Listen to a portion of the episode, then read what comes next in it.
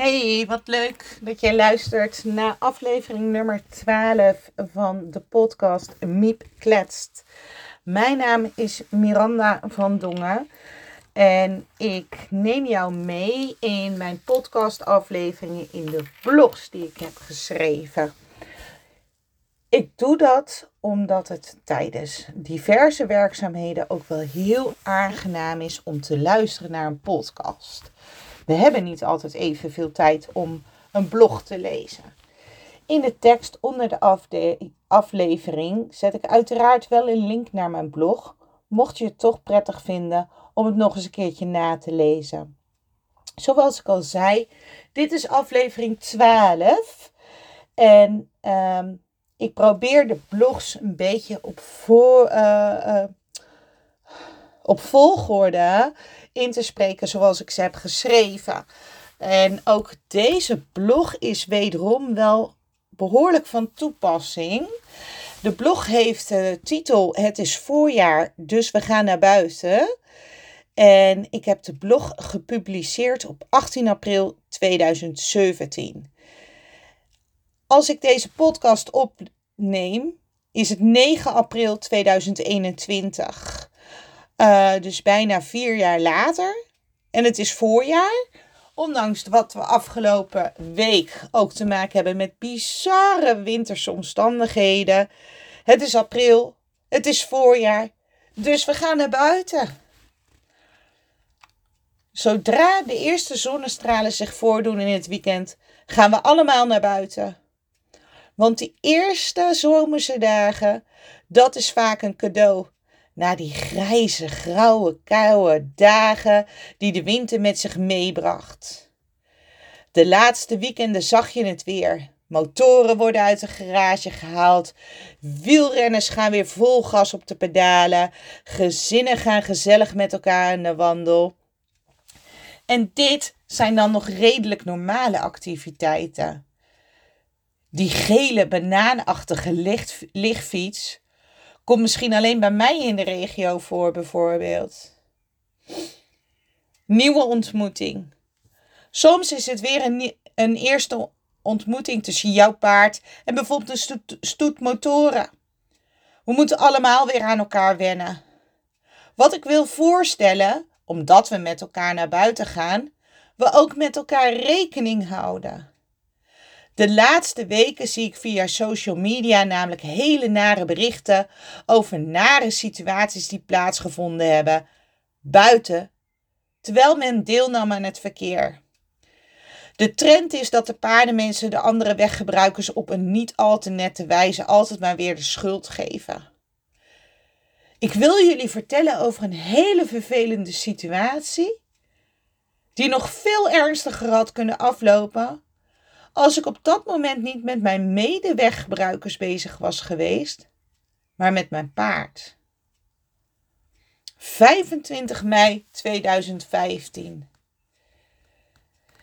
25 mei 2015. Het staat nog bij mij, maar ook bij Zorro op het netvlies gegriefd. Het was heerlijk weer deze dag, dus besloot ik met Zorro een lekkere rit te maken. We noemen dit het rondje Veldwijk-Breeveld. Totaal is dit rondje bijna 8 kilometer. We hadden Veldwijk lekker achter ons liggen en stapten net onder het viaduct vandaan toen ik allerlei geluiden achter me hoorde. Met een zeer hoge snelheid, onder heel veel gepraat, werd ik gepasseerd door de eerste wielrenners uit de groep van circa 20 wielrenners. Vanaf de andere kant passeerden mij twee wandelaars. Die hoge snelheid van de wielrenners en het onderlinge gepraat zorgde ervoor dat ik direct waakzaam was. En die wielrenners volgden. Per slot van rekening komt er zo een flauwe bocht en ze gaan wel erg hard. Dus met mijn ogen volgde ik de wielrenners. Ze bereikten de flauwe bocht en bam! In deze tijd staat het onkruid vrij hoog. Dat zorgde ervoor dat de auto, die vanaf de andere kant kwam, niet op tijd gezien kon worden door de wielrenners. De automobilist kon om dezelfde reden het aankomende peloton niet zien. EHBO.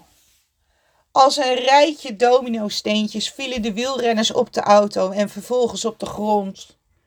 Ik schreeuwde direct naar de wandelaars en gaf ze mijn mobiele telefoon om 112 te bellen. De automobilist was uit de auto gekomen en werd ondersteund door de passagier. Mijn aandacht kon dus volledig naar de wielrenners gaan. Gelukkig stapte er één iemand op en die vertelde mij dat hij arts was en EHBO zou gaan verlenen. Ik zei: Ik kan ook EHBO verlenen. Die wielrenner bedankte me en vroeg of dat ik in de buurt wilde blijven. Maar ondertussen zat ik nog steeds op Zorro, die doodstil stond en alles maar gewoon over zich heen liet komen. De wielrenner die EHBO ging verlenen deed een ronde en zei: Ik heb jou niet nodig. Ga jij maar, want jij bent ook geen veilige factor. Via het jaagpad langs het water kon ik mijn route vervolgen. Elke passant die ik tegenkwam werd door mij op de hoogte gebracht dat er een ongeluk had plaatsgevonden en ze dus rekening moesten houden met een auto op de weg. Geluk. Die terugweg was natuurlijk een drama, allebei verslag.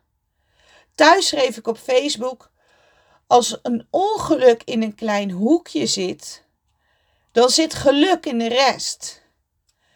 Maar mijn geluk haalde ik ook uit de waanzinnige reactie en medewerking van mijn paard.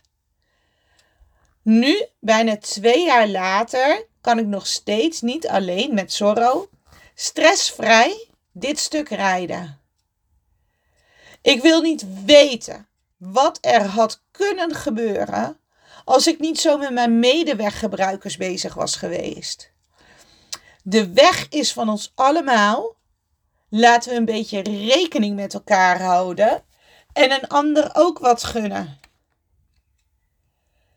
Ja, dus dat. En ja, we leven nu, april 2021, nog steeds in een um, behoorlijke lockdown. En we gaan nog steeds uh, massaal allemaal naar buiten toe. En ja, het we hebben daar nog steeds iedere dag mee te maken. Ehm, dat er ongelukken gebeuren.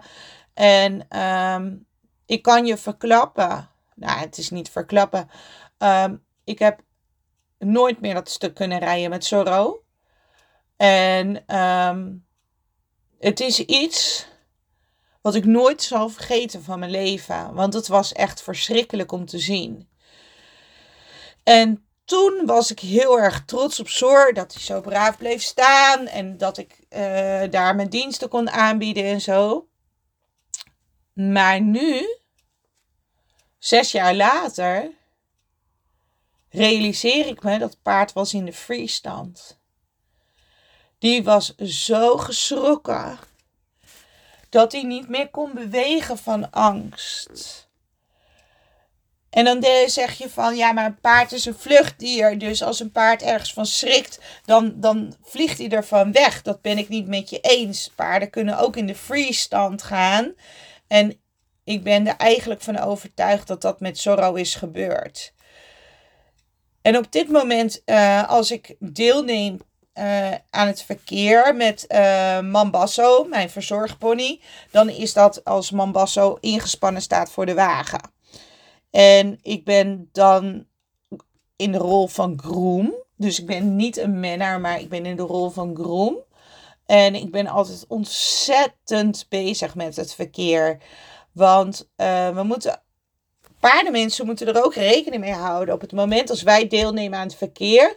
Uh, het is niet iets alledaags. Uh, mensen zien dat niet elke dag. mensen zijn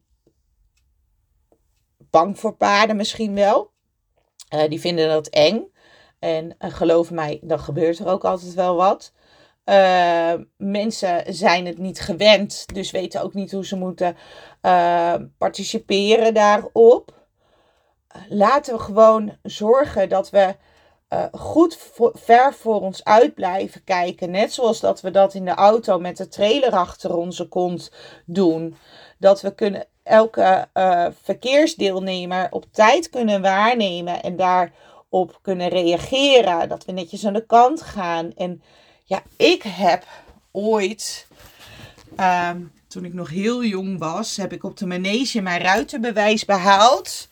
En um, toen heb ik dus geleerd dat als je iemand passeert, een auto, een fietser, een wandelaar, uh, een mederuiter, dat je dat ten alle tijden in de gang stap doet.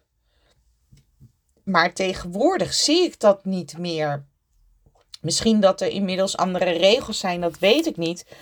Maar ik realiseer me wel dat een stap veel minder bedreigend overkomt op bijvoorbeeld een moeder op de fiets met een klein kindje naast zich op, fiets, op het fietsje met de zijwieltjes, waarvan de moeder dan dat kind ook nog moet helpen.